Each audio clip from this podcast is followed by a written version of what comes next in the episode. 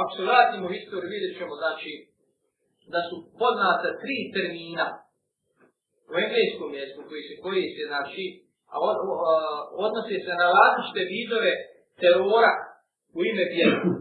To su termini zeloti, asasini i termini skup, kao u Serakovi i Subojice.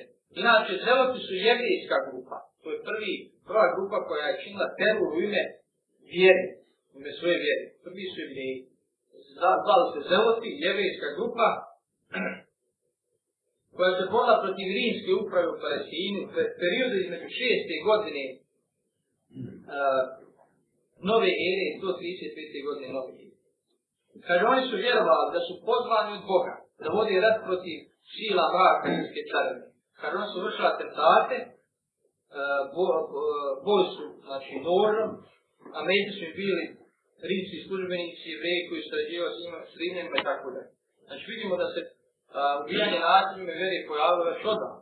Druga grupa su asasini, da znači, kašini, oni koji jedu hašiš. Oni su šiitska grupa. Šiitska grupa Ismailija, Bogdana i Knizarija, kaže, koji su bili aktivni u Iranu i Siriji između 1999. godine i 1956. godine. Kaže, pozivali su povlačenju u izolaciju, u izolovana mjesta gdje su po ismailijskom učenju iščekivali Mehdiju. Jel, pasti, kao što ga iščekuju danas muslimani. Kaže, na putu širenja svoga učenja, koristili su nasilje i terorističke metode protiv sunija, evropskih krstaša i mongola, jedan od Znači, centralnih konceptata nezavijskog učenja je fida, odnosno žrtvovanje vlastitog života za neku drugu.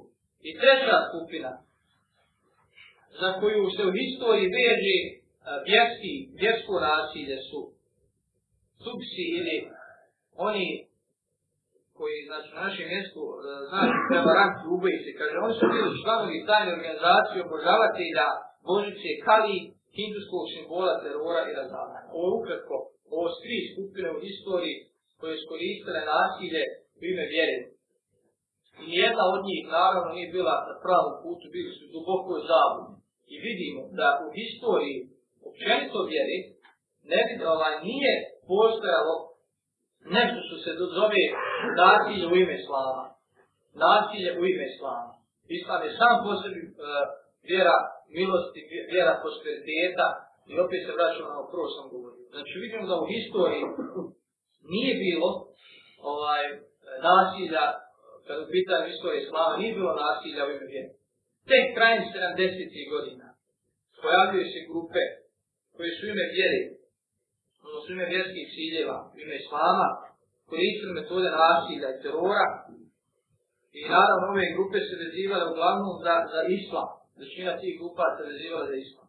Što tiče muslimana, broj, broj grupa pojedinaca, organizacija koje ime islama sprovodi djela nasilja i terora u posljednje vrijeme da se više povećava nakon nakon 11. srpnje.